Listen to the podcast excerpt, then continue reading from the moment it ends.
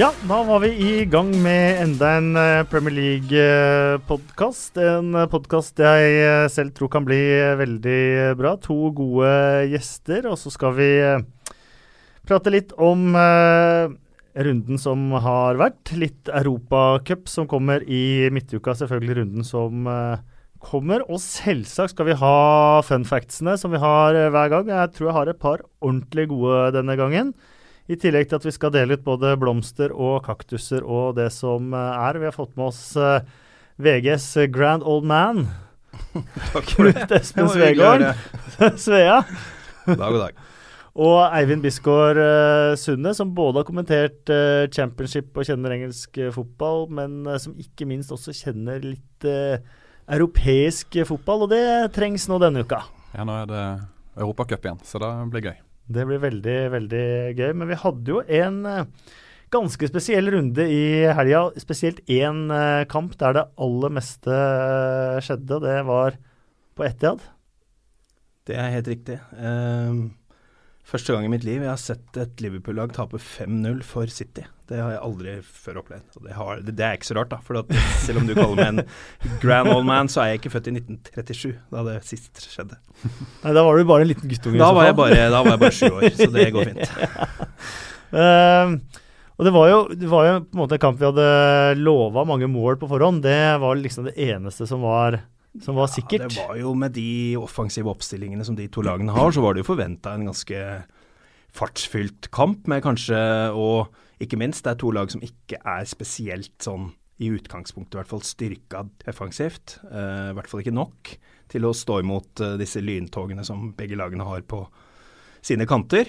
Uh, City har kjøpt et par nye backer da, som har gjort litt med det, sånn at det skulle være litt lettere å håndtere disse raske kantspillerne til Liverpool. Men når du går ut i 3-5-2 med Otamendi som venstre stopper og en venstreback som da ikke gjør jobben sin, så ble det ganske lett match for uh, Salah første halvtimen.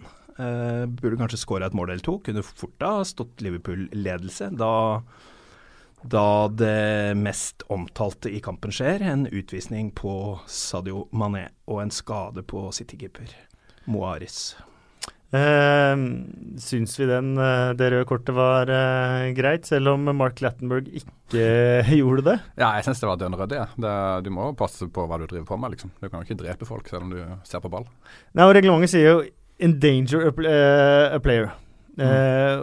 og jeg mener, hvis, hvis, en spiller da kommer vekk fra en sånn duell uten skade, så kan man kanskje hevde at nei, den, han satte ikke spilleren i fare. Men idet spilleren går ut på båret med å se ut som en pizza i ansiktet, så er det det beste beviset noensinne på at du faktisk har satt din i, motspilleren din i fare. Ja. Men spørsmålet er liksom hvis det hadde vært ett sekund seinere og han hadde Altså, eh, fordelen til Citys nye keeper er at han er utrolig kjapp. Han er noe av det, den raskeste keeperen jeg har sett, faktisk til å reagere, gå ut. Hvis han hadde vært en normal keeper og kommet litt seinere, så kunne det vært motsatt. At det var han som hadde sparka ned en mm -hmm. spiller. Det er veldig lite som skal til der. Eh, jeg har ikke tatt noe standpunkt om det er rødt kort eller ikke, for det blir så håpløse diskusjoner. Det kommer an på hvilket lag du holder med, sier alle. Så derfor så gir jeg litt opp de diskusjonene. At du ser det fra synspunktet til laget ditt. Og det irriterer meg såpass mye nå at jeg har heller meldt meg litt ut av de diskusjonene, så det ikke skal bli noe sånt nå i det hele tatt. Ja, men du, altså hvis, hvis, blir, hvis, du, hvis du blir skada når du spiller fotball, eh, og det er på en måte den spilleren som skader kunne ha gjort noe annerledes, og, og regelverket sier at du skal ikke skade andre, så, så, er det jo et rødt kort. Det er jo ikke noe å diskutere, egentlig. Men det, nei, men det er jo ganske mange som diskuterer det, eh, ja. på ja, ja. forholdsvis høyt nivå. Eh, og derfor så kan man jo ikke si bare Altså, hvis, hvis det hadde vært 100 opplagt, mm. så hadde jo sannsynligvis alle vært helt enige. Men det er det jo aldri. Men det er jo på en måte Liverpool-fans. Sannsynligvis. Ja, og Mark, Mark Clattenburg. Det, det, det, det, altså, det er ikke nødvendigvis det, selv om det ofte er det. Altså, jeg, jeg stiller da ofte spørsmålet til Liverpool-supportere og til City-supportere. Hadde du reagert på samme måte hvis det hadde vært omvendt? Hvis det hadde vært Mignolet og Aguero, hva hadde du gjort da? Mm. Mm. Hadde du hatt samme standpunktet da, eller hadde du hatt et annet standpunkt da? Det syns jeg er interessant. fordi at det, Selvfølgelig får du ikke noe svar på det, men jeg tror jeg vet svaret, og derfor så syns jeg debatten blir håpløs. Mm. Uh, jeg kan uh, si med hånda på hjertet at jeg er 100% nøytral, og at jeg har lest uh, regelverket, at jeg prøver å tolke ut ifra det. Og, da kommer jeg ikke til noen annen konklusjon enn rødt kort. Men da kommer vi jo inn da på det som eh, skjedde mellom Swansea og Newcastle, og ikke minst mellom eh, Westham eh, og Huddersfield i går. Og Matt Ritchies høye spark på Alfie Mawson, som er veldig likt, syns jeg. Og Matt Ritchie sa etterpå at han følte han var heldig som slapp unna. Og så er det Winston Reed sin i går som var litt annerledes, men det er fortsatt et spark i ansiktshøyde. Altså, men noe av poenget her er hvor høyt skal du sparke, hvor lavt skal du ha hodet. Det er en sånn der, en, hvis, hvis, du ser på kampen mellom City og Liverpool, så er det sånn hvis du, hvis du ser det helt objektivt og nøytralt og prøver å analysere det litt, så, så keeper han gjør litt ned med hodet, og han sparker selvfølgelig høyt, men hvor går grensen på hvor høyt skal du sparke, hvor langt ned kan du ha hodet? Men så lenge, du har, fot, så lenge du har foten nesten oppi ditt eget hodehøyde, så har du ja, da, ja da, det, ja. det, kan godt være at akkurat den her, men det er en del mm. sånne diskusjoner, da. Ja. Eh, det, det, som vel er forskjellen på den med Matt Ritchie, er vel at det er jo ikke noe sånn stor fart. Mm. På samme måten, Det er jo det som gjør den situasjonen her såpass Og at Alfie Maasen mm. slipper helt unna uten å ja, stramme, ja, og ikke melker det i det hele tatt. Han må jo gi eh, honnør til Han er jo sånn Absolutt, absolutt. Uh, men det har veldig mye med fart å gjøre her. ikke sant? Alt ser så mye verre ut når alle kommer i stor fart og det bare bom. Mm. Så, så blir da keeperen liggende der i åtte minutter. Eh, det ser nesten ut som han er halvdød, ikke sant. Og da får du litt sånn Oi, her må det ha skjedd noe. Altså det, det må jo ikke det, selv om en spiller blir skada. um, ehm, men her var det knottene åpenbart i ansiktet som Ja, ja. Det er ikke noe tvil om det når du ser de der bildene av han i etterkant og, og alt sånn. Uh, og dommer gjør sannsynligvis rett, men, men, det er ikke noe enkel situasjon. Alt Nei. skjer fryktelig fort. Mm. Det er ikke noe tvil om at han også tar hodet ned. Mm. Eh, og da er vi igjen der. Hvor lavt skal du kunne ha hodet når en ball kommer, før det er du som skal ha frispark mot mm. deg? Mm. Det er en veldig vanskelig uh, situasjon. og når jeg så det real time, så tenkte jeg Da lurte jeg på hvilken vei han blåste først. Ja. For så fort, uh, fort Ja, nei, altså Det er jo sikkert noen som kunne ha Det er i hvert fall ikke med et split second så kunne det vært helt motsatt. Det er jo en del som husker fortsatt Schumacher på det tyske landslaget mot Frankrike. 280, ja. Da han omtrent tok livet av en mm. spiller og fikk ikke gult kort engang. Var det frispark engang? Det var vel ikke det heller. Nei, det, det var vel utspill etter hvert. Ja. Så det, så, så det, er vel kanskje det verste jeg har sett på en mm. fotballbane noen gang. Uh, og jeg så liksom altså Oliver Kay, en ganske respektert journalist i England, han tok fram noe sånn litt fra eldre dager. altså når finalen mellom Wimbledon og Liverpool starter, at på en måte Winnie Jones han, han sparker mm. ned Steve McMahon omtrent med en gang. og det er Alle bare rister av seg, og dommeren gjør ingenting. Det er ikke noe annet enn et lite frispark. Eh, og du har tilbake til 70-tallet, da cupfinalen i 1970 mellom Chelsea og Leeds. Da en dommer av i dag da ser den kampen om igjen. Dette er omkampen. Mm. Og han, Konklusjonen hans var at hadde det skjedd i dag, så hadde det vært igjen åtte mann på banen. åtte mann hadde vært igjen. Så skal vi se, hva skal jeg regne ut da? 14 utvisninger. Mm. Og så mener da Oliver Kay, og det er, det er, litt riktig, sånn var det da. Vi kan liksom ikke si at så lenge det var sånn da, så skal det være sånn. Og det er litt andre typer mm. regler. Det er mer beskyttelse. Eh, du kan tenke deg en sånn der George Best i dag som ble sparka på hælene fra første spark når han mm. holdt på. Tenk åssen han hadde hatt det nå i dag, med de, det underlaget og den beskyttelsen som tross alt angrepsspillerne har, da. Tenk hvor, mye, tenk hvor, hvor god han hadde vært i dag. ja. Ikke sant? Ja, ja. Så det, du, du, kan på en måte ikke sammenligne alt med sånn det var før heller, for det, eh, det, har vært en del endringer i reglene. Mm. Og det er, eh, bare, er, vi bare nødt for å ha med oss. Vet ikke om du husker Sadio Manés hat trick mot uh, Aston Villa uh, for 15 så det var noen som sitter med stoppeklokke på Etiad også. det hat tricket brukte han jo 2 minutter og 56 sekunder på å skåre.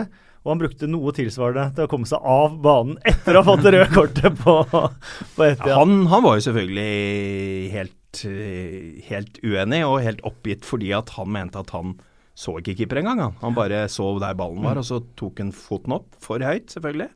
Men jeg har lært av Daniel Landskog at det er noe som heter gjetøga. Ja, da selvfølgelig. Man, han, altså, han vet jo han, han, han, må jo ha sett at keeper er på vei ut. Mm. Akkurat når han fanger ballen og skal se på den, så er det ikke sikkert at han vet akkurat hvor keeper er, men han vet jo at keeper kommer. Mm. Uh, Manchester City uh, hatt problemer i mange av de uh, toppkampene. Liverpool har vunnet veldig mange av de, i hvert fall sjelden tapt. Hvordan er det mulig å gå fra 4-0 i én toppkamp til 0-5 i den neste? Eh, det er jo vanskelig å si, men Klopp uh, har jo vært uh, sånn Jeg kjenner jo han fra Tyskland og, og Dortmund, og det har jo vært uh, ujevnt. og han, han, liker jo å spille mot, mot lag som holder ballen mye og, og sånne ting. og som spiller litt naivt, sånn som Arsenal til tider gjør. Og, og, egentlig så burde jo City passe godt for Klopp. Jeg syns han ofte har gjort det bra mot Pep Guardiola, men Uh, men det er vel den, den, at de blir ti mann som gjør at ja, vi må, vi må ikke vi, altså det, er, det, er, veldig lett når du ser et resultat 5-0 og liksom tenke overkjøring, uh, suverent, alt sånn. Men du må huske på at før utvisningen, på stillingen 1-0, så var det ganske jevnt. Det var vel i sjanse kanskje 3-3 til hver, eller 4-4 eller et eller annet sånt noe. Uh, keeperen til City har et par veldig, veldig gode redninger. City har et par sjanser. Altså det kunne fint ha stått uavgjort da. Du vet ikke hvordan det hadde gått med 11 mot 11. Lufta går litt ut når City får 2-0 rett før pause. Eh, Klopp gjør noen endringer for å forsøke å begrense nederlaget. Han blir litt defensiv, litt feig, syns jeg. Og så klarer da City å gjøre det som de har øvd veldig mye på. Det er at i annen omgang så holder en ball, holder ball, holder ball, mister ikke ballen. Altså bruker det gode gamle Johan Cruyff-uttrykket 'har du ballen, så kan ikke de andre skåre' til det fulle, helt til det eksploderer. Så gjør det det fire-fem ganger, og så mm. skårer de tre ganger til på veldig fine angrep. Og da ser det veldig sånn Wow, dette her er fantastisk. Men det er noe med det mentale når du blir liggende under 2-0. Først så får du utvisningen på 0-1, så får du et mål rett før pause. Mm. Så er det litt kjørt, føler du da. Eh, jeg så faktisk det stikk motsatt når jeg selv var til stede på City mot Everton, da Everton uh, leda 1-0. City fikk en mann utvist, og City kjørte matchen i hele andre mm, omgang. Mm, mm. faktisk noe av det bedre jeg har sett. Jeg syns faktisk City var bedre da jeg enn de var nå, på mange områder. ja. Fordi da fikk de inn en fandenivoldsk innstilling, og det så ikke ut som det var én mann mindre i det hele tatt, og utligna helt fortjent. Mm. Um, Manchester City det ser, ser, bra ut. Liverpool ser jo ujevnt ut. Og Alex Oxlade Chamberlain avsluttet med, avsluttet med 0-4 og fortsatte med 0-5. det er sant. Det har jeg ikke tenkt på. Det er jo fin åpning. jeg så, så noe greier at det faktisk nesten er litt uh, historisk. Uh, apropos historie. Frank de Boer han er historie, og fire matcher som permanent manager. Det er vel rekord uh, i, uh, i, Premier League. Det skal være rekord fra du, altså fra du får jobben, ja. Mm. Eh, vi har et par andre eksempler på de som har fått sparken på det tidspunktet ute i sesongen, mm. men de, i hvert fall det jeg vet om, så har de sittet en sesong eller to mm. før. Uh, men det er, ikke, det er, ikke, rekord at du får sparken etter fire kamper i en sesong, men for en mann som ikke har vært ansatt før, ja. så er det det. Mm. Les Reed fikk sju så permanent manager i Charlton. Uh, Brian Clough, seks. I Leeds, 44 dager. Og null seire, selvfølgelig. og null seire, selvfølgelig. Og, og ja, Det er altså første gang siden 1924 i den øverste divisjonen at et lag har starta med fire tap uten å skåre mål. Hm. Ja, nei, det er uh, Og det har liksom ikke jeg, jeg, satt og så på den matchen, og så tenkte jeg at hvis de legger skylda på Frank de Boer for det her, da har du ikke peiling på fotball. De gjorde alt riktig. At, at det kommer et tilbakespill som ingen kunne forutsett, som er et av de fineste tilbakespillene jeg har sett, til feil mann. Helt nydelig og målgivende så det holder. Hva skal en manager gjøre med det? Han har gjort alt mulig på forhånd. Jeg syns Palace spilte en veldig god kamp. Altså At Scott Dan f.eks. header ballen utafor på overtid, eller hva det er for noe der, det er jo helt Det er akkurat som du Da vil du ha vekk manageren, altså. Og de har to-tre andre, Benteke har et par. Mm skulle fint ha vunnet den matchen her med to-tre mål. Da hadde ingen snakka om det her nå. Men, men, men, men du sier de som, de som, bestemmer, ikke har peiling på, på, på fotball. Og, det, og, dette har vi snakka om i podkasten jeg tror faktisk i samtlige av de tidligere episodene. eh, for du har hatt eh, Neil Warnock som manager, du har hatt eh, Tony Pulis som manager, du har selvfølgelig hatt eh, Pardew òg, men du har hatt Sam Alleray som manager. Og du har en spillerstall som er på en måte eh, hentet inn og, og trent av disse menneskene her. Eh, og så er det noen som bestemmer seg for at nei, nå må vi spille en annen type fotball. Eh, hva med Frank de Boer? Det, det, det, det, det, skal mye til for at det skal lykkes med det. Ja, men det, er jo det derre annenhver gang-syndromet. da, At du liksom du, du, skaffer en manager som skaffer deg resultater. og så Når det har vart en stund, så føler jeg at nei, nå må vi utvikle dette her. Da må vi ha en annen type inn. Og så henter du det, og så lykkes du ikke med det, da. Og da får du panikk, og så må du hente inn en av den gamle igjen. Når han begynner å få til det her, så Nei, nå må vi utvikle igjen. Så da henter du en helt annen en. Og sånn har de holdt på i mange år. Og da blir spillestallen feil for den som overtar nesten hver eneste gang. Og det går jo ikke. Du må jo skjønne det at du må i hvert fall, hvis du skal ha inn en ny mann, så må du i hvert fall gi han tid til å ha Hva er det man har funnet ut? Tre vinduer.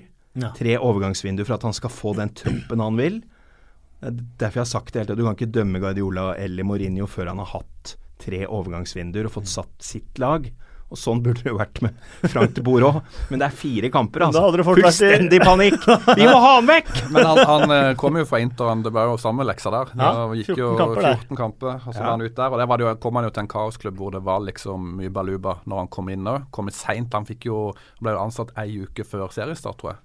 Eh, Så han burde jo tenke seg litt om sjøl òg. Er det liksom den er det Pelles jeg skal hoppe på nå for neste? Han har jo hatt et fint liv i Nei, Ajax men ting det er jo, på det er jo da enkelte som da vil ha jobb igjen med en gang. Får jo helt blunking med øya og panikk når de ikke har jobb, ikke sant. Ja, ja. Enda de har nok av penger.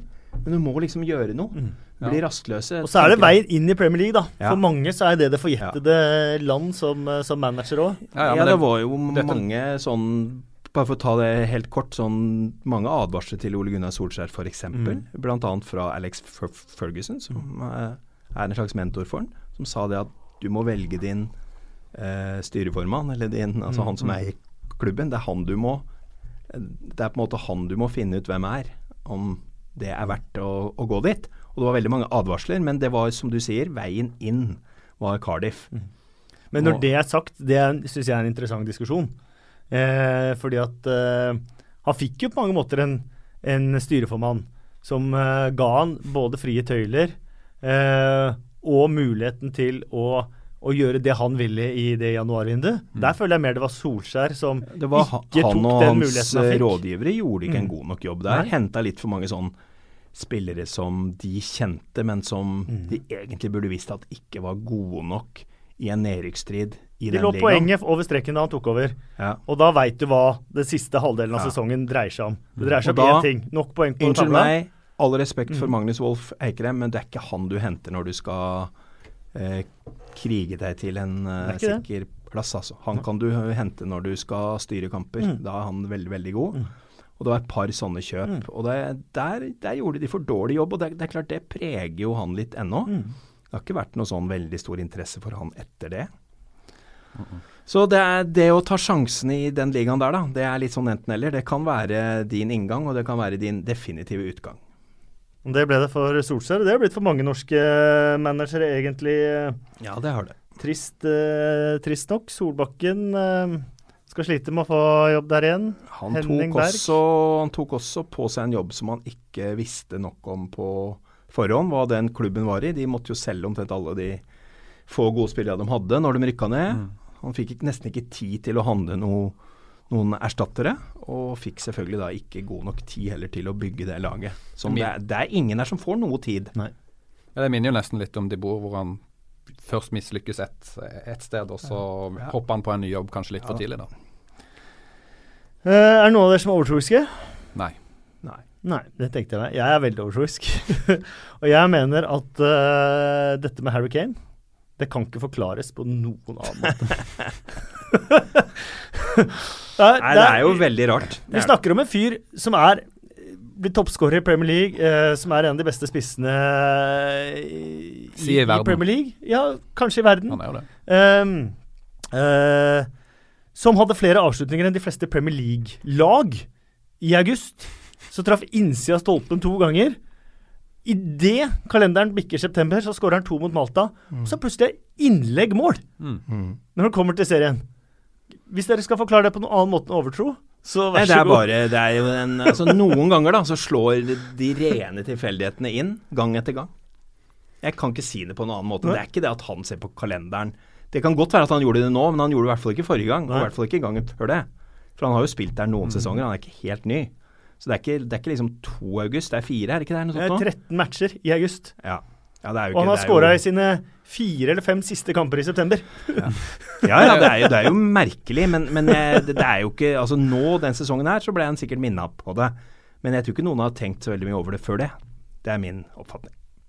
Jeg har ikke sett uh, sjansene, altså, men uh, det kladder jo ofte litt i starten uh, for offensivt da, for lag, når man kommer etter sommeren og man har ikke satt spillet helt. Så, så, det er vel ikke unaturlig at en spiss skårer mer etter hvert som sesongen skrider frem, tenker jeg. Nei, og Det føler jeg har vært med Harry Kane tidligere. for Han har hatt U21-EM, han har hatt VM, og han har sett sliten ut. Han har spilt alle kamper og kommet litt sånn litt på felgen til sesongene.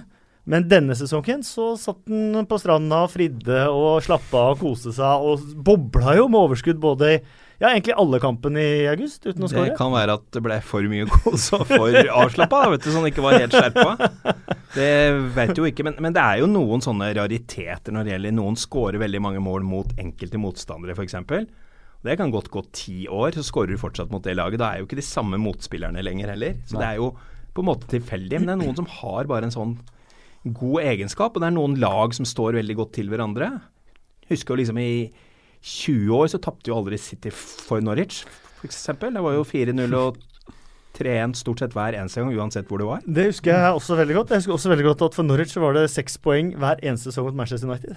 Det var ja. de seks sikreste ja. poengene hele, hele sesongen. Men, men sånn Trafford, er det litt. Og det, og det, kan du godt forklare med både tilfeldigheter og et eller annet mønster. Mm. Uh, Ian Rush, da, som var liksom toppskårer i engelsk fotball i mange år, han skåra nesten ikke et mål mot Manchester United. Han skårte 100 mot Everton. Mm. Altså, og, og, det her var en tid da, da Everton var faktisk bedre mm. enn um, Manchester United, så det hadde ikke noe med, med nivåmotstanderne å gjøre. Men han skårte ikke mot United, skårte alltid mot Everton. Det minner meg på uh, før internetts tid, da vi dro ned på Narvesen på onsdager for å kjøpe match og shoot. Mm. Og der var hele forsida Ian Rush i Everton-drakt.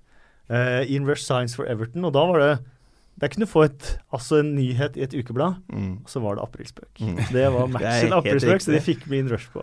Den har jeg òg. ja. Det var i 85 eller et eller annet. Ja, et eller annet sånt.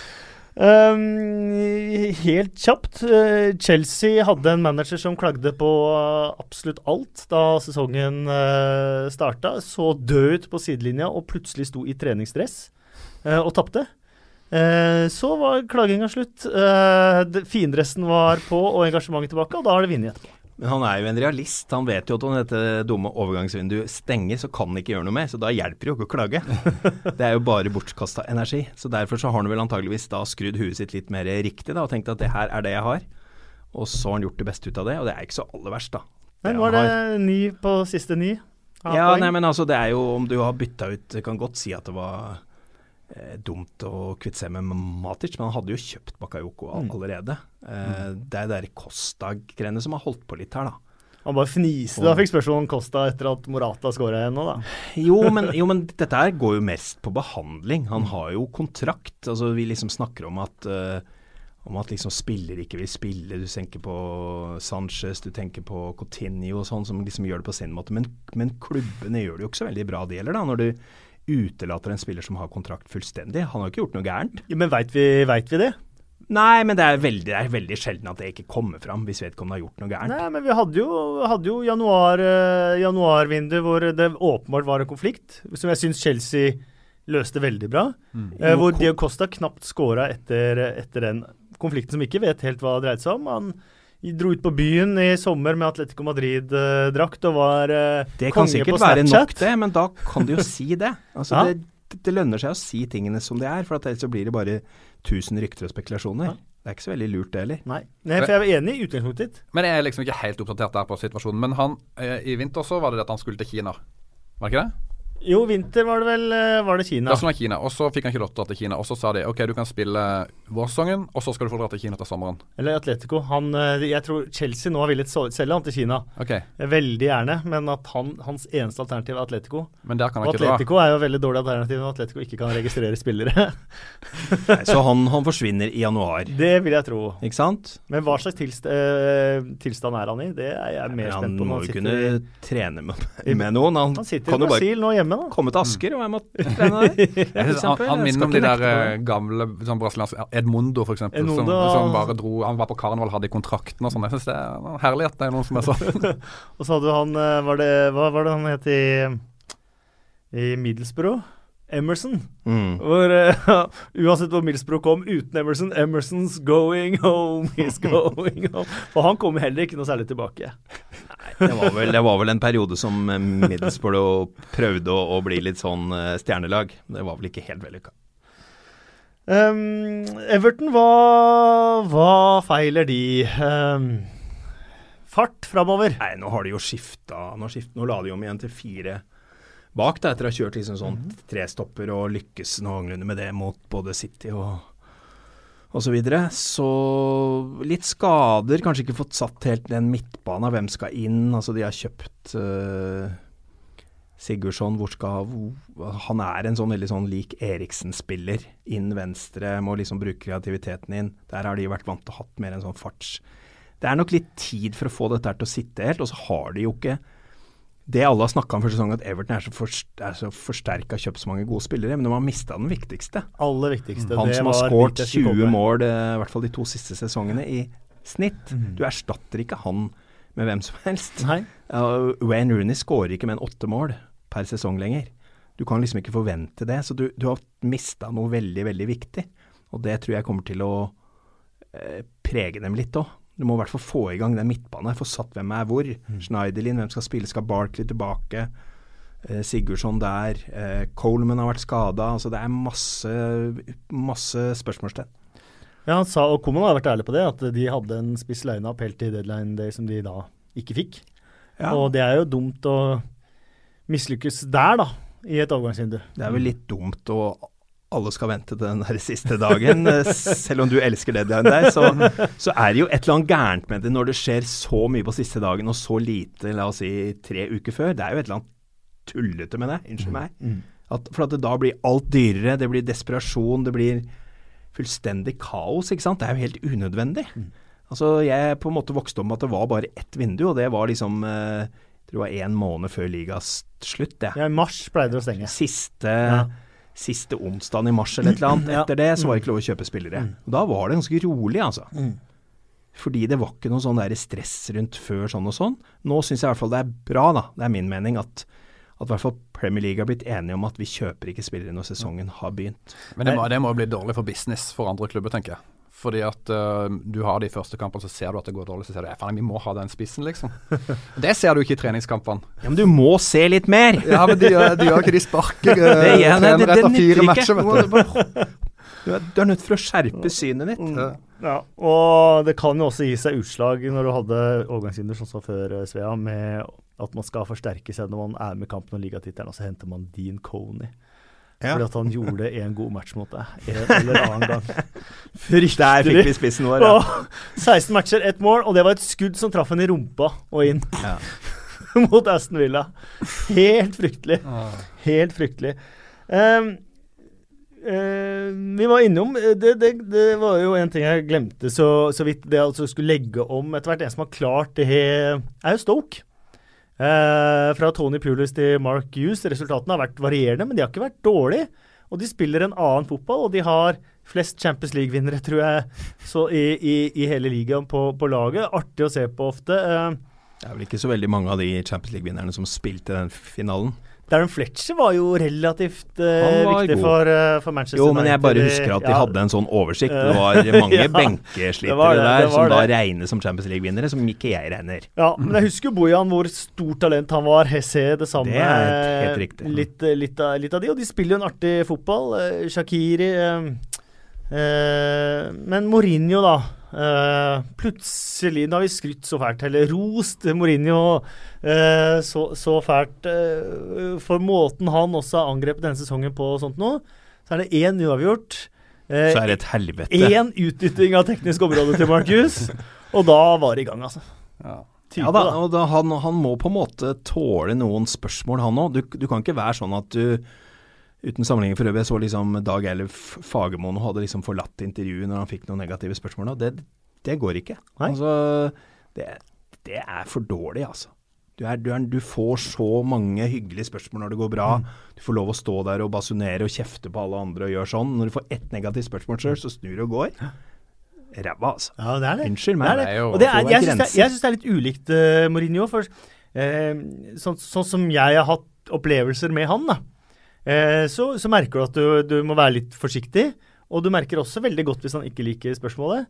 Men jeg har alltid opplevd han sånn som en som har vært fair and square allikevel, eh, og svart ordentlig etterpå. Jeg har fortalt den historien fra første gang jeg intervjuet han selvfølgelig mange ganger. hvor jeg, hvor han spilte 0-0 mot uh, Arsenal, bytta ut David Louis, nei, Fernando Torres for David Louis ti minutter før slutt. Og mitt åpningsspørsmål, idiot som jeg er, var uh, So you maybe got uh, what you came for? Og han bare ser meg senk i fem sekunder før han sier Why? og da hadde han akkurat spilt også 0-0 på Old Trafford, så jeg følger opp med det. Litt sånn samme der. Og igjen så bare ble jeg stirra i senk i, i fem sekunder før han bare Why? og da kjente jeg det svetta bra. Og så, og så, og så, og så peser han meg selvfølgelig der da, men så etter det så svarte han langt og godt på de to neste spørsmålene. Og sånn opplevde jeg han. Ikke som en som Da fikk et- var kanskje de to neste spørsmålene litt bedre. ja, men, men da fikk det spørsmålet eh, nå, så bare gikk han. Jeg opplevde han ikke som en som gikk da. At han kunne svare tilbake, og det syns jeg er helt fair. Hvis du ikke liker spørsmålet, svar herregud. tilbake. Selvfølgelig. Svar, Eh, men, men- svar. Men svar. Eh, men det å gå føler jeg er en sånn ny side ved, ved Mourinho som, som ikke er like bra. Han følte sikkert at han har vært så Nå har disse tre første kampene vært så bra, så han må ha lov å ha ett bitte lite Ja. feil seg uten at det kommer masse negative spørsmål. Det har han litt rett i. Ja, det er jeg helt enig. Men det er jo bare stå og diskutere kampen. Altså, Noe gikk jo galt siden United slapp inn to mål. Uh, det, er jo på en måte litt to små forsvarsfeil. Det er ikke det at det er kjempefeil, men uh, Phil Jones prøver vel å gjøre noe som han ikke kan. eh, mister taket og sklir, og da kommer utligningen til 2-2. Andremålet er litt mer sånn Bailly sov. Jeg Ja, foreslo at han var jetlagd, men han har visst bare reist én time.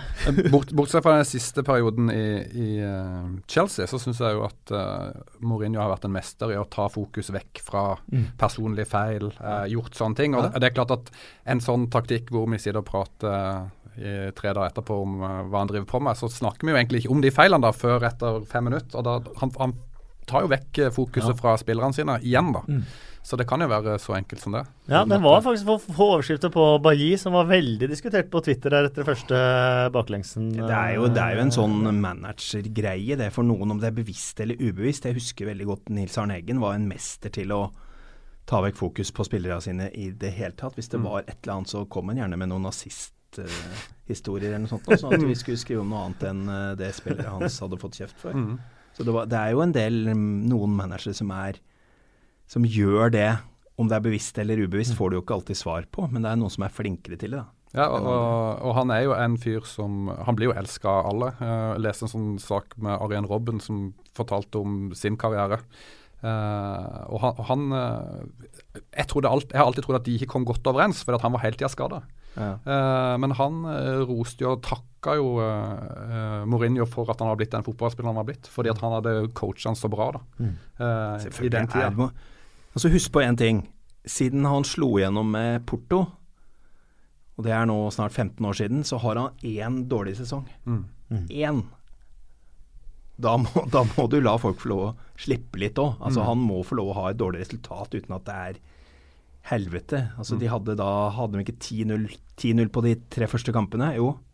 Uh, og det, er klart at da har du gjort en del riktig. Selv om ikke alle de kampene var fantastiske, så var det solid. De matta ut motstanderne litt, og så skårte de en god del mål mot slutten. Her gikk det litt sånn opp og ned, og Stoke borte har vært en vanskelig motstander for United de siste å- opp- sesongene. Merkelig nok, eller ikke. Altså, Det er litt sånn som vi snakka om i stad. Når du har noen sånne perioder mot lag da du ikke lykkes. Da eh, har vi kommet til eh, den fine tiden med blomsterbukett og kaktus og litt den helten som ikke har stjålet overskriftene, men som har vært en helt eh, denne runden. Jeg vet ikke om dere har noen innspill om jeg skal komme med mine forslag først? Du kan godt komme med dine forslag. Ja, jeg eh, har lyst til å gi en blomsterbukett til Harry Kane, jeg, da. Eh, Ja, sånn, der, sånn der innleggsmesteren. Innleggsmesteren, hvor plutselig innleggene flyr Blåser over keeper. avgjør kampen. Uh, par sekunder. Har to Men jeg syns jo keeperen skal ta den, jeg, da. Definitivt. Og det, det er, svakheten til Jordan Pickford. Jeg vet ikke om du har stått ved siden av noen gang. Han ser, har ikke ramma til keeper. Du merker Nei, ofte når du nei, står ved riktig. siden av keepere, Ja. uh, at bare, oh, Ja. Han her er, eh, han er både breiere og høyere og jeg- større jeg enn meg. han- Pickford syns han kunne vært nesten eh, nevøen min, altså. God fotball. Um, uh, kaktusen har jeg lyst til å, å gi til uh, Det er flere som kunne, kunne fått noe. Alt fra Matt Ritchie til Sadio Mané til uh, José Mourinho. Men jeg tror jeg gir Jeg har lyst til å gi den til Mourinho denne gangen, for å forlate intervjuet. Og ukjent helt James Tarkovsky. For en match han gjorde i midtforsvaret til Burnley. Og der har du en fyr som jeg vil tro de aller fleste som følger Premier League og ser de fleste kampene, ikke hadde kjent han igjen på gata. Nei, det er helt riktig. Men, men det, er, det er nok litt sånn Burnley tenker når de lar, når de lar Michael Keane gå. Så vet, håper jeg da, at det har vært en sånn tanke om at vi, vi har en annen en. Og er ikke det litt den sikkerheten du får når du har en manager som har sittet i mange år? Jo, nett, gjennom nettopp, og og det er det jeg elsker med den der kontinuiteten. At da er det faktisk noen som kan gjøre sånn. Særlig de små. Da Da tenker du ok, da tar vi 25 mil for han. Fordi vi har en som er nesten like god, som kan bli minst like god. Det, sånn jobber vi. Du, altså, du må finne din plass i denne såkalte næringskjeden. Ja. Det er ikke alle som kan bli aller best. Altså kan kjøpe mest og alt sånn. Det er ikke mulig. Så, sånn som Southampton driver på, rett og slett. Ja, det kan du godt si. De har kanskje solgt for mange eh, til at de kan få et eh, Altså eh, Hadde Southampton beholdt noen av dem, så kunne de kanskje vært med å slåss om topp seks, men det er, det er blitt umulig fordi de kvitter seg med disse spillerne som kan gi dem det lille ekstra hver eneste sesong. Tenk hvilket lag de har hatt, da, hvis jeg hadde beholdt alle de Jeg så dem med lista det, for alt fra Walcott altså. til Gareth Ja, ja. Bale Ja, til ja, ja. Oxlade Chamberlain til alt eh, annet etterpå. Demané helt og lag. Lauren og ja, Klein. Ja. Hvordan gikk det med han Renato Sanchez, egentlig? Det lurer jeg på. Uh, jeg så ikke kampen, men kritikkene var ganske ok. var Jeg ikke det? så kampen, han var veldig opp og ned. Mm. hadde litt sånn unø, litt rar, litt dårlig touch innimellom, som var litt overraskende. Han så faktisk litt nervøs ut. Ja, Han er bare- jeg tror han er Jeg tror han er, han har mista helt selvtilliten. Ja, og da kan det være lurt å gå til en klubb der det ikke forventes eh, at du skal være verdensmester, Ja. og at du kanskje kan få spille ganske mye. Og med treneren som hadde det i fjor, da. Det er jo samme, Ja. samme mann som, som var, hadde han i fjor. Så jeg, jeg tror det er kjempe, en kjempelur vei å gå. Men uh, det må jo være en fryktelig nedtur, da. Etter uh, Jo, det men altså, EM-et for ett år men- siden. Åh, Sw- eh, Wales og Swansea er så flott, vet du. Jo, men altså, du må huske på at gutten er 20 år. Det er Mm. ikke alle som er ferdig utlært og som er kjempegode før de er litt mer enn det. Nei, nei, nei, er liksom ikke kjørt, selv om du må gå ned fra et nivå til et annet et når du er så ung. Nei, men det er jo det at på en måte Benf han var fast i Benfica og var, eh, ja, var stor der når de vant uh, ligagullet og, og spilte sosialt. Hadde en fantastisk sesong. Fantastisk EM. Og så får du litt motstand der i Bayern München, og så må du liksom til Swansea. Det er et eller annet Jo, men det var helt sikkert mange andre steder han kunne ha, ha reist. Mm. Jeg tror du velger ganske bra når du velger en tøff liga, men et lag der det ikke liksom Du må kjempe kanskje for å komme inn på laget. Mm, ja, det er et veldig spennende valg, men øh, det minus er jo hvis han da ikke slår til her heller. Så begynner det å liksom Mm. bli litt Jo, men han øh, er 20. Altså, Ja. vi, vi må må ikke tenke sånn derre som jeg følte veldig mye med norsk fotball en periode når eh, Martin Ødegaard liksom slo igjennom. Så følte jeg liksom etter hvert så ble det sånn at eh, hvis en spiller er 17 og ikke har liksom slått til på A-laget, så, så, så må vi hente noen andre. Altså mm. oppfatningen endra seg litt. Du må liksom være Hvis du ikke er kjempegod når du er 16-17 år, så har du ikke noe der å gjøre. Det er feil. Ja, jeg er helt enig at det er feil, men jeg tenker at eksempler. øh, klubbvalget kunne vært uh, Ja, det det, det er jo et, Ja, det det er en sjanse å ta, det for at han kunne gått til Liverpool f.eks. Og så Og han ikke fått spilt. kanskje fått spilt mindre, og så måtte han gått til Swansea etter det. Men hva, hvor er veien hvis det blir mislykka i Swansea? Altså, hva skjer da?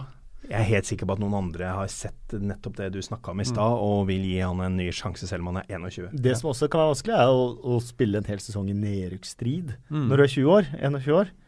Uh, Ja da, ja da. Altså, det, er ikke, det er ikke sikkert det er det ideelle valget, men jeg, jeg har litt sansen for at noen tør å velge noe Mm. annet da enn uh, the usual suspects hver eneste gang. Absolutt. For absolutt. at da, da får du sånn der gjeng på 200 spillere som alle skal spille akkurat i de samme klubbene alltid. Det er ingen Mm. som går noe annet sted. Det blir litt kjedelig.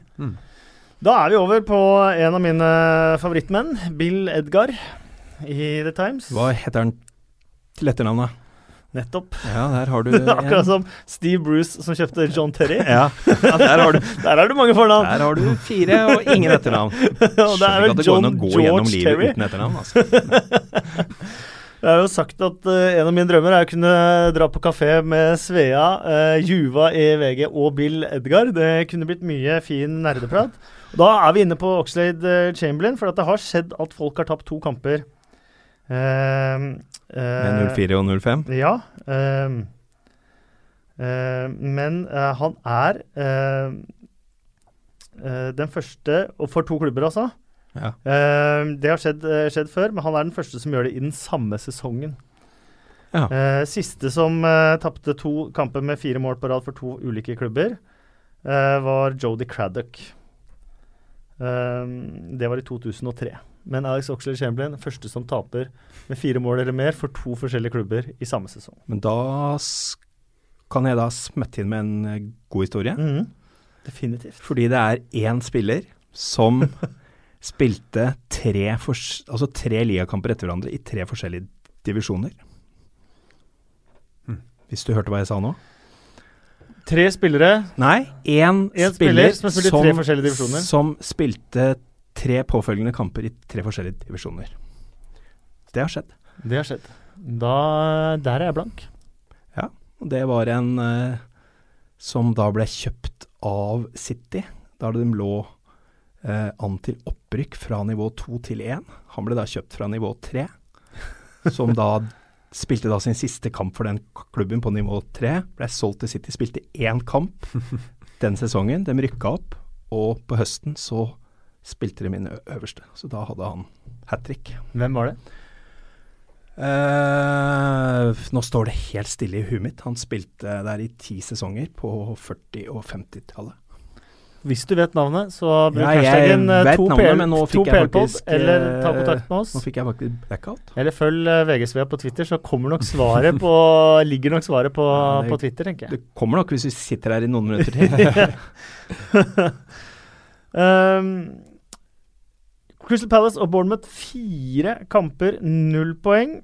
Uh, det er første gang siden 56-57 vi, eh, 57 vi har to lag eh, som har tapt sine fire første øverste divisjon-kamper. Eh, og hvis Westham hadde tapt på mandag, så hadde det blitt første gang siden 1895-96-sesongen. Da både Birmingham, Bury og West Bromwich tapte sine fire første kamper i øverste divisjon. Da må Eh, vi langt d- d- Det forteller jo litt. Det- ja, men det er Nå akkurat- når vi må to århundrer tilbake. Det er akkurat det, og det forteller også litt om den sesongstarten til, til Palace. Synes jeg, altså, når vi må tilbake til 1925 for å finne noe ja. lignende.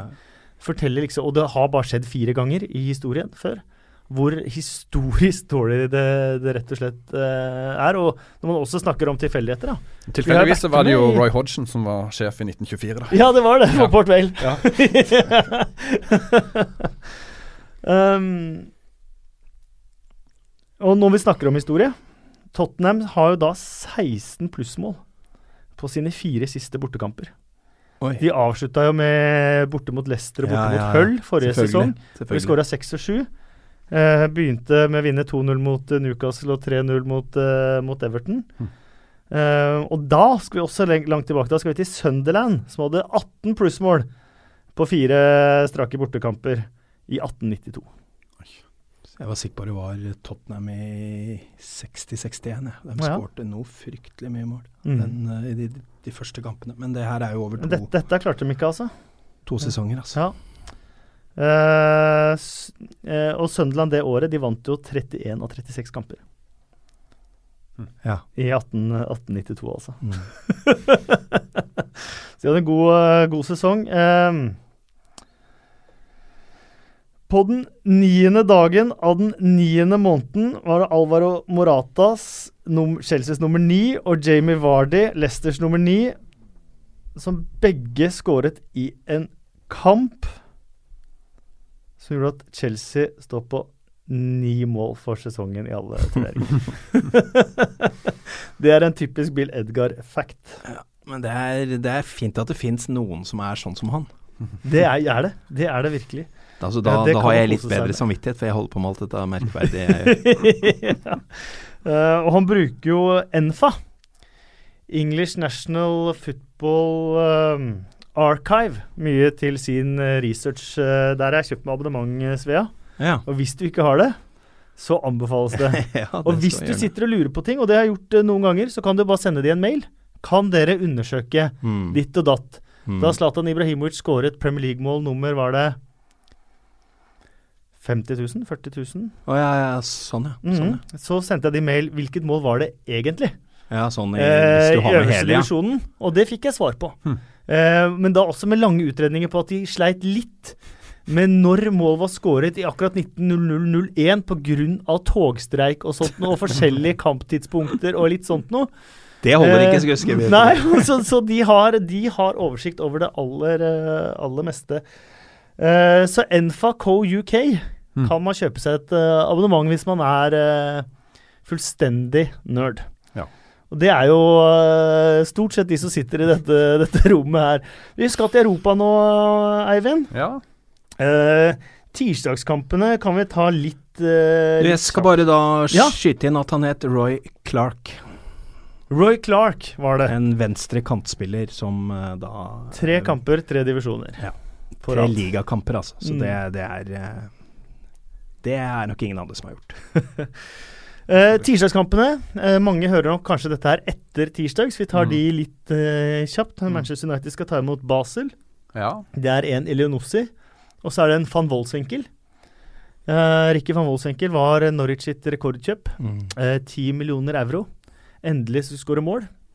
Han spilte 28 Premier League-kamper. Skåra ett mål, i debuten selvfølgelig, som bare for å få alle skulle få the hopes ja, up. selvfølgelig.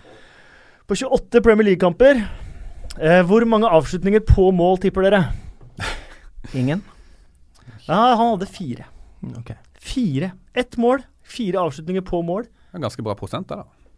på 28 kamper. Ja, det er mye, litt mye kamper, men Ja. Det er litt som kjøpet av Mathias Jonsson i 04-05 som spiss, og han spilte også rundt 30 ligakamper.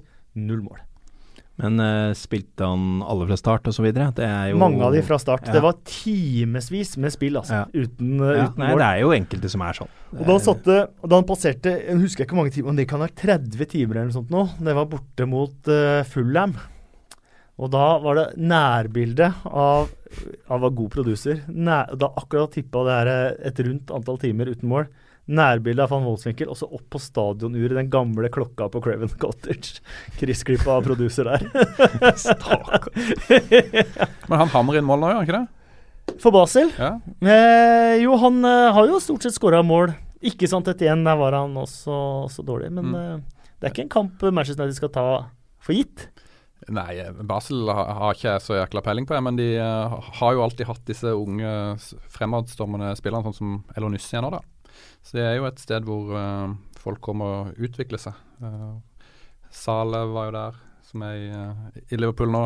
Så det er et, uh, helt sikkert et vanskelig lag, for å si og helt generelt. Men eh, nei. Men eh, Manchester United, det, det er europasuksess. De kjemper hardt for å komme inn i dette her. eh, Ja, altså de Det er jo noen klubber som føler at de hører hjemme i diverse europeiske ligaer. Eh, Manchester United er nok en av de, siden de har vært der stort sett siden det, den ligaen der starta.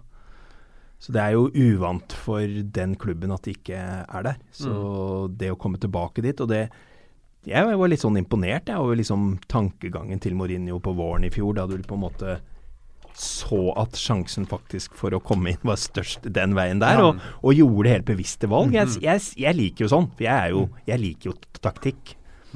Jeg, jeg syns jo det blir litt sånn der Nei, vi, nei, vi skal bli nummer blant de fire beste, og vi klarer det og sånn. Når du da realistisk ser at det sannsynligvis ikke går, og du har en annen sjanse, gjør det, altså. Og sølvtøy. Mm. Ja, Eh, selv om han driver og sier at, det er, at han vant tre, da. det, er jo feil. Det er, to. feil. Men uh, jeg, sy jeg er to. elsker jo eller elsk, Jeg har sånn elsk-hat, for han er jo Det derre jublelagbildet i Stockholm. Jeg vet ikke om dere har sett det? Hvor han løper rundt og viser til alle spillerne at de må holde tre Ja, fingre er i været. fantastisk. Hvis du ikke har sett det, du som, som uh, hører på, så ta og finn fram det på YouTube eller et eller annet, for det er det er noe herlig ved det, og det er noe fryktelig flaut ved det. Men hvis du mener at eh, Charity Shield er, eller Community Shield er et trofé, Hvorfor snakker du aldri om at du tapte en sånn finale?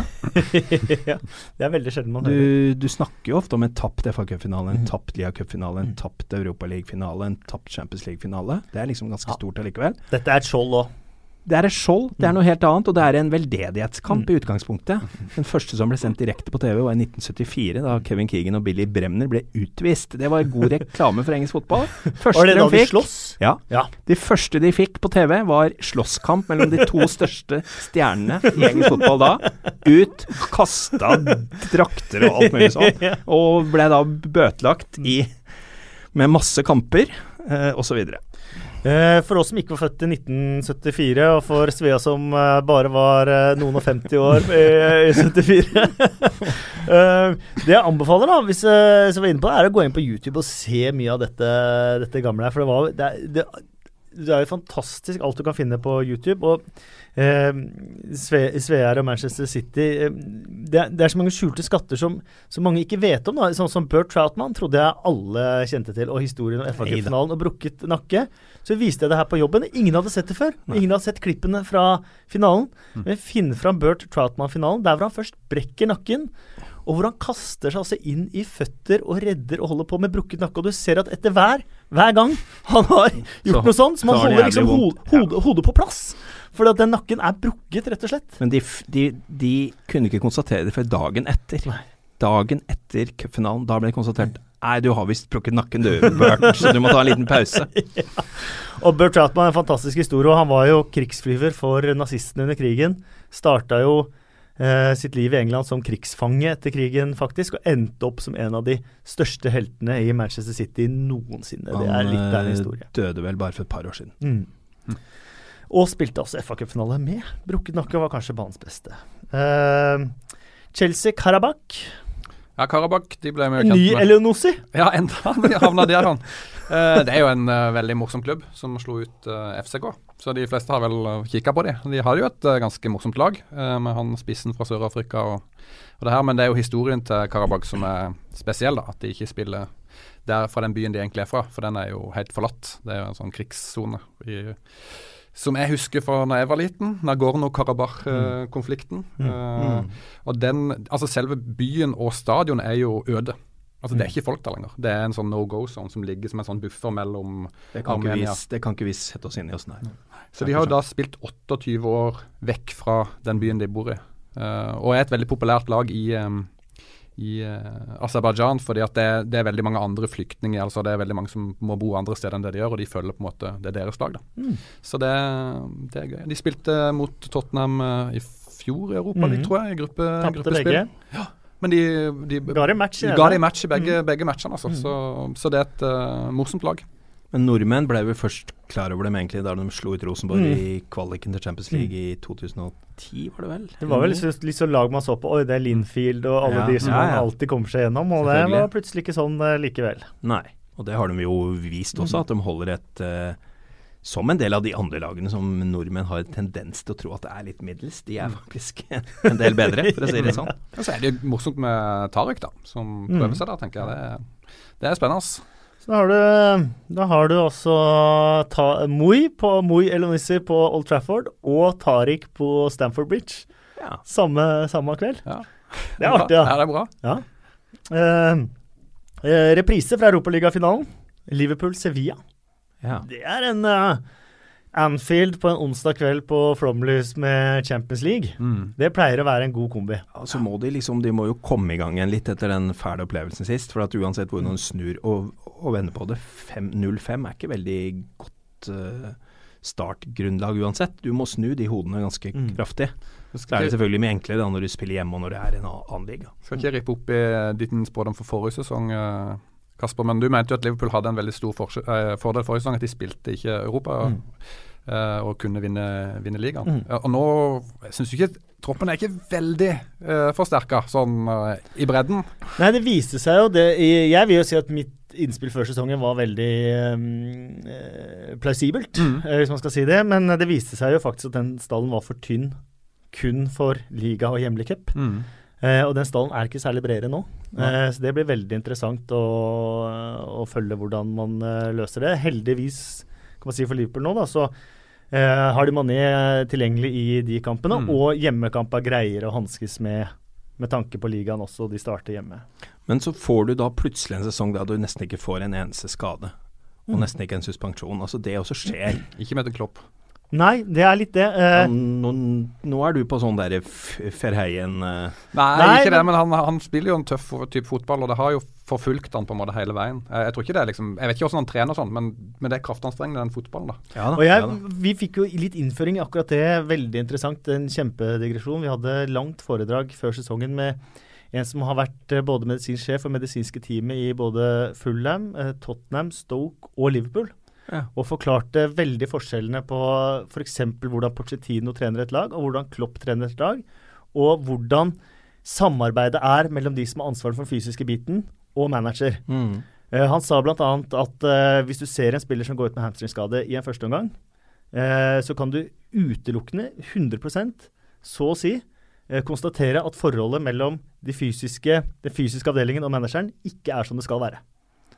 For det skal ikke skje. Mm. Eh, og han forklarte også en del forskjellene da, og på hvorfor Klopp har så mange flere skader, eh, spesielt disse muskulære skadene, enn f.eks. Pochettino. Eh, I treningsmetoden var utrolig interessant å Mm. høre på. Ja, det Og det-. Og det har også med eh, tålmodighet fra, fra manageren på når du skal bygge spillerne dine. Der Pochettino har vært ekstremt dyktig på å bygge det han kalte beist. da. Fysiske beist. Mm. Eh, så at noen lag har flere skader enn andre, tror jeg ikke er tilfeldig i det hele tatt. Det var han veldig veldig også sånn klokkeklar på. da.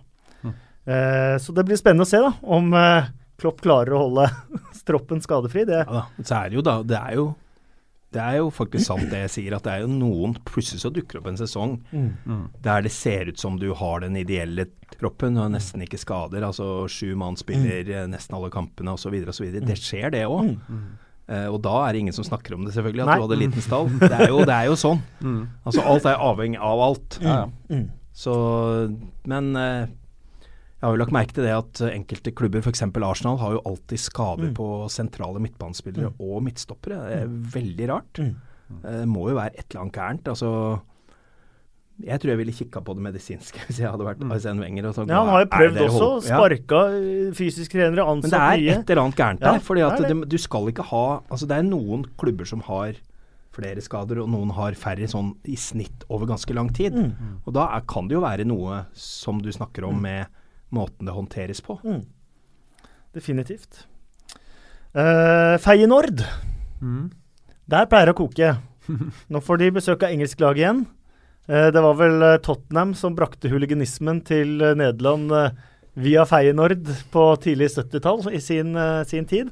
Og de har beholdt den ganske bra òg. De ble seriemester i fjor, Ja.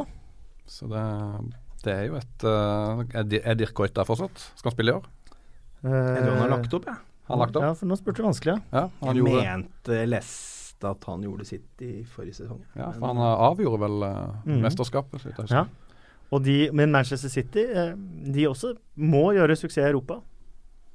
Eh, ja, det er derfor eh, mange er veldig avventende til Guardiola. Jeg Mm. tror jeg inkludert eierne, eh, fordi eh, Men det folk på en måte glemmer litt her, da, når du tenker på liksom Ja, City har ikke kommet til noen finale, har ikke vunnet Champions League. Eh, Ferguson brukte vel tolv hele sesonger før han vant. Mhm. Eh, Chelsea ble overtatt av Abramovic i 2003, vant ikke før i 2012. Mm. Uh, det her er sjuende City-sesongen på rad i Champions League. Altså, det hender at ting tar litt tid. Mm. Det bare spørs hvor eh, god tid du får. Mm. Uh, de må nok komme ganske langt, tror jeg. Jeg tror uh, dårligere enn en kvartfinale tror jeg blir tatt veldig dårlig imot. Det tror jeg òg. Særlig hvis du da ikke vinner ligaen. Hvis du vinner ligaen, så tror jeg du kan forsvare og kanskje ikke nå lenger enn en åttedelsfinale, men da må du vinne ligaen. Det er, sånn er det. Men engelske lag skal jo gjøre det bedre enn de har gjort i Europa. Ja, jeg, jeg, har, jeg har klokketro på City og Pep Guardiola etter de årene jeg så med han i, i Bayern München. Um, det var ikke en, han hadde jo et, et godt lag der, men han, um, han kom jo på en måte til dekka bord, og det var jo vanskelig, for der hadde, var de jo, hadde jo vunnet tre, tre mesterskap. Uh, nei, de vant jo treble det året han kom inn, eller ja, året før. Uh, men den fotballen han fikk de til å spille etter hvert uh, Jeg syns at Bayern under Pep var det beste laget i verden, selv om de ikke vant Champions League. Men de ja, ja, ja, men det, det, er ikke noe, det er ikke noe fasit at du nødvendigvis det, det, er såpass mange tilfeldigheter fortsatt at det kan godt være at det, var, at det, laget faktisk var bedre enn noen av de som spilte. Ja, De var jo uheldige mot Barca i én semifinale, og så møtte de Atletico Madrid, som hadde mm. to skudd på mål og skårte tre mål, eller hva det var for noe, i den andre. og de, var, de, var, litt uheldige der eh, i, ved to anledninger, men eh, jeg, jeg, tror at den hjernen og, og, og det, det der eh, organisasjonen som City har, det ser så sinnssykt bra ut. da. Altså Det hjelper jo veldig mye å få inn to lynraske bekker, selv om han venstre bekken nå ikke skjønte helt hva han holdt på med første omgang. Men det gjorde han til gangs i andre. Jo, men da har du en mann mindre å forholde deg til, ja. og du leder 2-0. Da får han vist mm. alle de kvalitetene han har. Han er en fantastisk spiller. Ja. Flott innlegg, sterk, tøff, rask. Men i første omgang så var han ikke god. Han lå helt feil. Mange mm. ganger Otta Mendy fikk et helvete pga. han var helt aleine. Og han er ikke rask, altså. Så da, det er, men å få inn både Walker og Mendy på, på kanten, og få en sikrere keeper, det er mm. klart at det har mye å si for hvis, hvis, du så da City mot ti mann, altså måten de har klart å håndtere dette blandingen mellom småspill, mm. trygghet og eksplosjon, det var det som var interessant å se. Nå er det selvfølgelig igjen da mot én mann mindre, men, men han er på vei til å få til noe. Det bare spørs eh, om man skal spille 3-5-2 eller om man skal spille 4-3-3. Jeg tror ikke mm. det er noe særlig mellomting. Mm. Jeg tror det er enten-eller. Mm. Eh, og så er det torsdag. Eh, veldig spennende å se hva slags lag Arsenal kjører mot eh, Köln. Det har jo vært eh, drøfta litt om det er rent reservelag og om ikke Wenger skal dra på benken omtrent i bortekampen. At det bare skal sende Steve Bull. Steve Bold, selvfølgelig. Steve Bull var en helt annen mann. Han var ganske god til å lage mål. Han var veldig god til å lage mål. Er ikke Arsenal hjemme? Arsenal er hjemme nå, ja. ja. Så da kommer nok Wenger til å sitte på benken ja. i alle fall. Uh, well, sier han da. Well? ja. ja hvis, det burde vi nesten hatt nesten en egen podkast om. Uh, alle de her talegreiene til uh, managere. Well? Ronald Koman. But OK. But OK. hver, hver setning starter med 'but OK'. Ja, han er veldig, veldig fin. Men hva møter Arsenal, da? Nei, Nå møter de jo et lag i krise, da, som ikke har vunnet eh, denne sesongen. Eh, Køln er første gang på 20 år at de er i Europacup, og det er jo en fotballgal by. Du har sikkert vært der når, uh, når Solbakken var der. Absolutt. Når de sikra Europaligaplassen i, i, um, i vår, så ble jo banen storma alle kom ut på banen. Det var kjempestemning. Men så har de solgt uh, Anthony Modest, som var deres store spiller de to siste årene. Da. Han har skåret halvparten av målene de sine de to siste årene.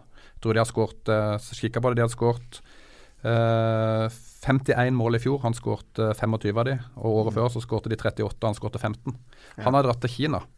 Uh, og det har de rett og slett ikke greid å erstatte, så nå har det gått uh, helt uh, galt av sted i starten her for, for Køln. Men, men så vidt jeg så, så var det 20 000 Køln-supportere som ønska å kjøpe billetter til, til Emirates, liksom.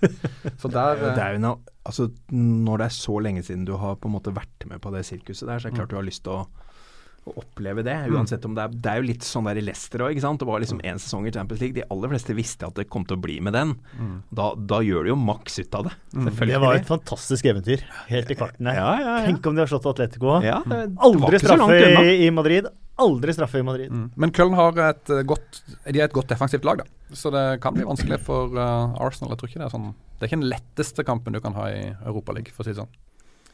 Vi har glemt en kamp. Nei, vi har ikke glemt den. Her kommer Atalanta. Nei, du har glemt en kamp. Tottenham. Tottenham-kampen? Glemte jeg selvfølgelig. Tottenham Dortmund. Ja, ja, ja. Den er jo kjempespennende. Tenk å glemme den, da. Ja.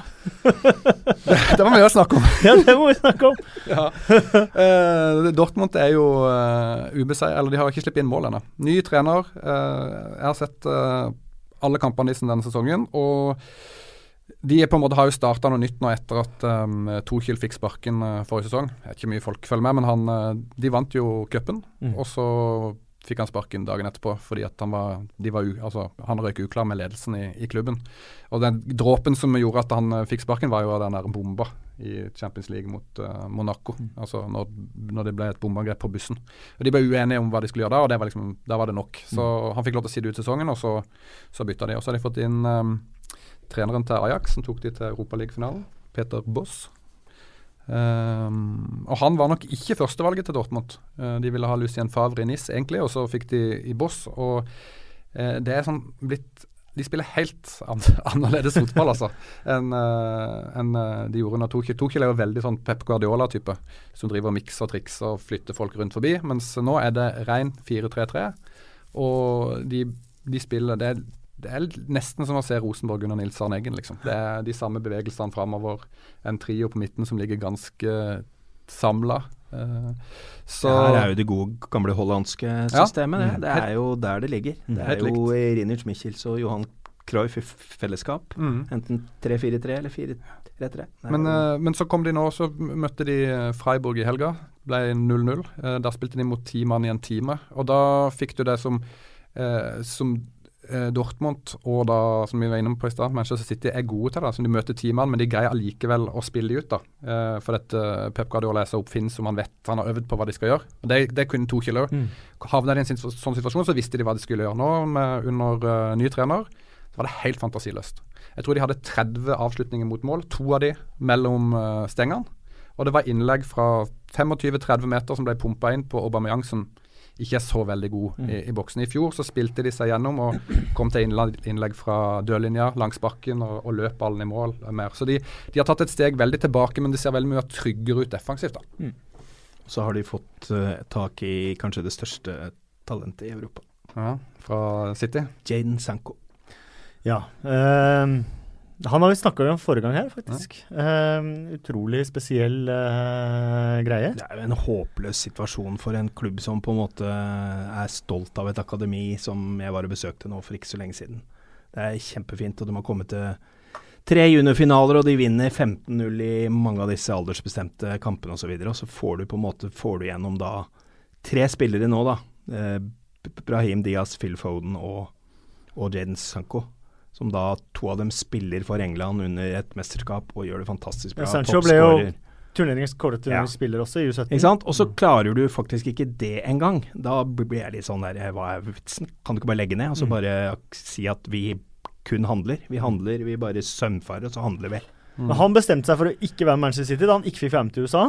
Ja, det er litt forskjellige versjoner ja. av det der. da. De hadde tilbudt han ny kontrakt, sier Guardiola osv. Uh, han skulle tenke på det, og så fikk han ikke bestemt seg. og så Da sa Guardiola at da må du være igjen her mens vi mm. reiser, når du ikke har bestemt deg. Så skulka han treninger. Og så var det sånn at han ikke dukka på trening, blir det hevda osv. Og, så og så har han da tydeligvis sammen med sine rådgivere og agenter da bestemt seg for at vi gjør noe annet. Og det har han selvfølgelig lov til. Jeg syns bare det er ganske trist, som er på en måte vokst opp med lokale spillere og de som har kommet gjennom systemet og juniorfinaler osv., at de mm. får en sjanse, og her får du ikke det. Mm. Men samtidig, i Dortmund så får, har han fått drakt nummer sju eller noe sånt? Han har jo tatt uh, arva drakta til Dembélé, ja. som jo ikke, ikke ville trene. men han er, her er en sånn selvtillitsgutt som da ja. sjøl syns han er fryktelig god. Ja. Og det er for så vidt lov, det. Men den der trioen som jeg nevner her, da, de hadde liksom inngått en sånn pakt at vi tre skal nå til topps. Mm. Det var liksom sånn Det er to som er født i 2000 og en som er født i 1999. Det minner meg om den derre har dere spilt uh, Fifa 18 med den der story-greia? Der er du da må du høre med min sønn, og ikke ja, meg. Nei, for min sønn spiller også den hvor ja, ja, det er én spiller, og de er to kompiser liksom, som kommer opp sammen. Ja, ja, ja. ja, Den har jeg faktisk sett på Isak. Ja, vi har også sett det på, for det er så veldig bra laga. Ja, men så blir jo de uvenner og havner i forskjellige lag og, og, slenger litt meldinger til hverandre. Og, ja, men det er litt sånn litt der i Benning Ulfot over det. Altså. Eh, Phil Foden for øvrig fryktelig spennende. To ord om uh, Atalanta. Ja, det er jo Atalanta-Everton. Der um, Atalanta har jo mye av disse unge spillerne som Eller har en del unge spillere, de har et ungt lag. Men de har mista litt spillere til, til, Milan før den sesongen. Men det er litt sånn at de kjenner hverandre, noen av de spillerne ja, på Atalanta-Everton? Ja, ja, for de har jo møttes hverandre i U20 EVM. Mm -hmm. I sommer møttes i semifinalen, den uh, som vi hadde på Eurosport. Uh, og bl.a. Uh, Orsolini, som ble toppskårer i det mesterskapet, han har gått til Atalanta. Han spilte i Ascoli under mesterskapet, men han har dratt på lån dit. Og da har du da Calvert Levin, eller er det Levin? Calvert Lewin. Calvert Lewin. Han avgjorde finalen. Meget spennende mann, altså. Meget spennende mann. Uh, spesielt sett så god som han var på Etiad uh, noen gang. Nei, var, da, han, var fryktelig en av de beste. Ja. Mm. Og, da, og han Lukeman skårte jo den uh, mm. semifinalen der. Og Lukeman ble kåra til turneringsspiller, var det ikke det? I, nei, nei, Solanke. Topp, ja, Solanke var det som ble uh, Nei, Solanke ble toppskårer. Nei, Solanke ble, ble, spiller, for det var Orsolini som ble toppskårer. Oh, ja. Han som er ja, ita italieneren her. Ja. Så, jeg merker at da sa jeg kanskje feil da jeg kommenterte i helga. Det er lov. Ja. Skandale! Uh, nei, men, uh, nei, det, det, men uh, Atalanta det er jo Det er jo et kult lag, syns jeg. Mm. Så det blir, blir, spennende. Det er jo det er liksom litt kult med, med, med Europaligaen, at du møter de der litt mm. morsomme klubbene litt nedover. For, Europaligaen har veldig mye bra. De, de, de, de gjør én feil. Og Det kommer jeg til å påstå til jeg gir meg. Og det har selvfølgelig med kommersielle ting å gjøre. men du kan, altså Idet du tar inn taperne i mm. Champions League, så har du på en måte gitt din egen turnering et ja. taperstempel. Mm. Og det, det syns jeg er så dumt. Det er så unødvendig. Altså Utslått er utslått. Det, det blir litt sånn der når du er ute sånn Nei, nå må vi få sjansen. Mm. Det er liksom da jeg sier ironisk at hvis du går ut av fjerde runde i FA-cupen, så kan du komme inn i ligacupen, eller? Mm, mm. Så det blir, det blir, helt meningsløst. Du er ute, ute er ute. Ferdig. Ute er ute. Og en av verdens beste menn er en legende i Atalanta. Glenn Strømberg. Og han fortalte meg at han var klar for Juventus. Eh, satt på Stadio del Alpi, eh, skulle bare skrive inn kontrakten og titte gjennom kontrakten en siste mm. gang, og der står det at han må klippe håret. eh, og så spør han, han eh, så spør han uh, jeg, jeg, jeg, jeg, skriver ikke under hvis jeg må klippe håret. Og så sier de ja, men du må klippe håret, det er en uh, betingelse. OK. Sayonara, ha det bra. Mm. Jeg blir ikke Juventus-spiller. og da ble han i Atlanta. Ha. Det var mange Juventus-spillere som hadde langt hår etter det, da. Ja, det var det, kan det godt ha vært. Men uh, Glenn ja, Strømberg ikke, fikk beskjed Kanskje ikke da. Kont, Konta hadde jo til og med langt hår selv om han ikke hadde hår. Jo, men det var ja, jo Det er mye seinere. Ja, det er, ikke, er det mye seinere? Ja. ja. Det her er slutten Strømberg, av 70-tallet? Ja, 80-tallet. Slutten av 80, 80 ja. slutten av 70, begynnelsen av 80 ja. her. Ja. Så Strømberg eh, Ja, eller midten av 80, kanskje nærmere, faktisk. Med første halvdel 80, kanskje. Men uh, han uh, sa i hvert fall jeg blir ikke Juventus-spiller med kort hår. Det er bare å glemme. Da fortsetter jeg Atalanta med, med langt. Og han, jo, han har jo statue der. Han er jo en fantastisk legende. Han har jo eget spagettimerke, til og med. Når, når, når, du som svenske kan selge pasta til italienere, da, da, har du gjort det bra. da er du nesten på sånn, Sanne Sahara. Ja. ja. Um, vi har selvfølgelig en Premier League-runde som uh, kommer til helga også. Den uh, Eh, nå har vi tatt eh, såpass nøye i Europa, så jeg føler liksom at vi har gjort det meste, meste der. Det er et par interessante kamper. Bournemouth er uten poeng. Um, får en gyllen mulighet mot Brighton. Den må de nesten vinne før de er ordentlig ute å kjøre. Ingen, ingen som må noe ennå, vet du, Kasper. Nei, men, eh, selv om det så sånn ut i Palace. Henger du, henger du etter tidlig, så er det viktig å begynne å få poeng på, eh, på blokka. Spesielt for lag som Problemet til Bournemouth var at nå hadde folk for første gang litt forventninger. Mm. Fordi jeg har liksom jeg har kjøpt et par De har fått tilbake han fra Chelsea, han mm. stopperen. Okay. ok. Og så har de kjøpt liksom Defoe, som skulle liksom mm. hjelpe King, og King skårte 17 mål i forrige sesong fått ny keeper mm. osv. Ja vel, nå har vi litt sånn Nå, nå er liksom Nå er ikke nå er ikke sånn uh, nedre halvdel-plassering egentlig bra nok lenger. Nei. Men det uh, som i hvert fall uh, både imponerer og som kanskje kan berolige til The Cherries i Norge, er jo at Eddie Howe har tapt mye før. Og Uansett hvor mye han har tapt, eller hvor ofte han har tapt, så har han stått ved sine prinsipper og stått igjen som seierherre til slutt. og det er viktig. Han firer aldri på egne prinsipper, aldri på egen uh, spillestil, og har lyktes ekstremt godt med, med, det. Jeg tror faktisk ikke han får sparken selv om han rykker det. Nei, det tror kanskje ikke jeg uh, heller. Han er jo Hvor lenge har han sittet? Han var jo manager, de var i league 2 og, de, og redda dem eh, fra å flytte ut av ligasystemet til tross for haug av minuspoeng fra starten. Dro ut til Burnley. Eh, lyktes ikke så godt i Burnley. Ikke mislyktes heller i Burnley. Eh, men dro tilbake til Bournemouth selv om Bournemouth la, lå i divisjonen under. Så han har hatt dem fra league one og, og til nå, da. Mm. Så i to perioder. Um, apropos Burnley, de skal til uh, Anfield. Perfekt uh, anledning for Liverpool å uh, Hva var det Jørn Jamfold sa? Snu kjerringa. Nei, jeg må snu kjerringa, ja. jeg må snu kjerringa. Men er ikke det en tøff kamp for Liverpool, da?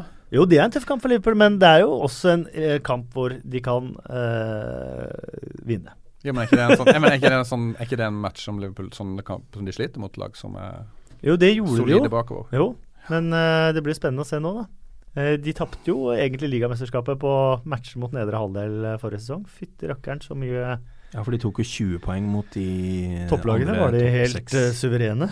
Um, men det er jo to kamper som skiller seg ut, og det er ikke Watford Man City, selv om jeg tippa Watford som overraskelseslaget denne sesongen. Jeg har ekstremt tro på Marco Silva. Blir en veldig tøff kamp for Guardiola og Manchester City, spesielt da med en tøff bortekamp i Europa i midtuka. Men Chelsea-Arsenal, den er svær. Den har gitt oss noen klassikere fra van Persis hat trick til uh, utvisning av gæren mann, til uh, slåssing omtrent mellom Wenger og Mourinho. Uh, det blir en fantastisk kamp, men Wayne Rooneys retur til Old Trafford, da. Han blir nok hyllet, og så syns folk sikkert det er litt komisk at han havner i en del overskrifter som han helst ikke bør igjen. Nei, men for For Ja, det, hele anledningen er helt vill. Og man glemmer jo det ofte med de siste par sesongene til Ben Rooney at han er faktisk mestskårende i Manchester Uniteds historie. Og Mm. der har det vært et par spillere, altså. Mm. Han er mestskårende i engelsk landslagsfotballs historie. Ja. Vært noen spillere der òg. Mm. Han har altså Han er en spiller som kommer til å bli huska både om 200 og 300 år. Men eh, folk glemmer veldig fort, særlig i nu, og så kommer liksom navnet hans tilbake om noen år når han har lagt opp. Ja, han var god, Ja. Mm. sier de da. Men nå, For det er rekorder, Er som, ikke kommer til å, bli- rekorder som ikke kommer til å bli slått på titalls år. Sannsynligvis. Men det er det som er litt uh, det, Er det noe jeg liker med engelsk fotball, så er det jo akkurat det at du kan uh, gjøre det veldig bra, og så, så fortsetter du bare karrieren. Altså Beardsley og gutta de spilte jo faen meg fjerde- og femtedivisjonsfotball, men de er jo fortsatt legender, liksom. Det er ikke sånn at du liksom uh, ah, Nei, han var så dårlig på slutten, så vi driter i han. Eh, jeg tror òg at uh, Rooney kommer til å bli huska, om ikke akkurat nå, men om ti år. Nei, altså At han gikk tilbake til E- Everton var nok et sånn altså, Da får du litt respekt for at du ikke liksom Du velger Du kunne sikkert valgt veldig mye annet. Altså USA eller Kina eller et eller annet sånt. Du kunne sikkert ha valgt noe sånt, men han velger da å gå tilbake til der han kommer fra. Mm. Da tror jeg du har litt Altså Hadde han ikke gjort så mye annet rart, så hadde han nok hatt Ja. veldig stor respekt. eh, Ja, jeg så nå at Colleen, hans kone, har bedt Ronald Koeman om at Wayne Rooney skulle få noen dager fri. Så de kan jobbe med ekteskapet. Om det stemmer eller ikke, det, vet det jeg ikke. er uh, vel eh, ikke så veldig usannsynlig at hun Nei. har sagt ifra et par ting som kanskje er viktigere akkurat nå. ja. Men uh, vi håper i hvert fall han spiller på Old Trafford.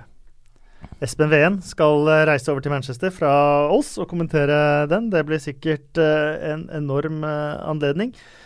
Um, vi nærmer oss eh, slutten, men det er greit å ta med et par ting eh, sånn med Frank de Boer, som vant Sack eh, Race. Fikk fire kamper, det var historisk. Brad Clough fikk seks kamper, som vi var inne på. Les Reed hadde rekorden for Charlton. Ble kalt Les Miserables etter de sju kampene han fikk. Men vi har Leroy Rosenior, da. Eller vi kan, Før vi kommer til han, skal vi ta Billy McKinley, og det er ikke mange år siden heller. eh, Gamle Stabæk-coachen. Ja. Han hadde jo to kamper som permanent manager i eh, Watford. En seier, en uavgjort før han fikk sparken.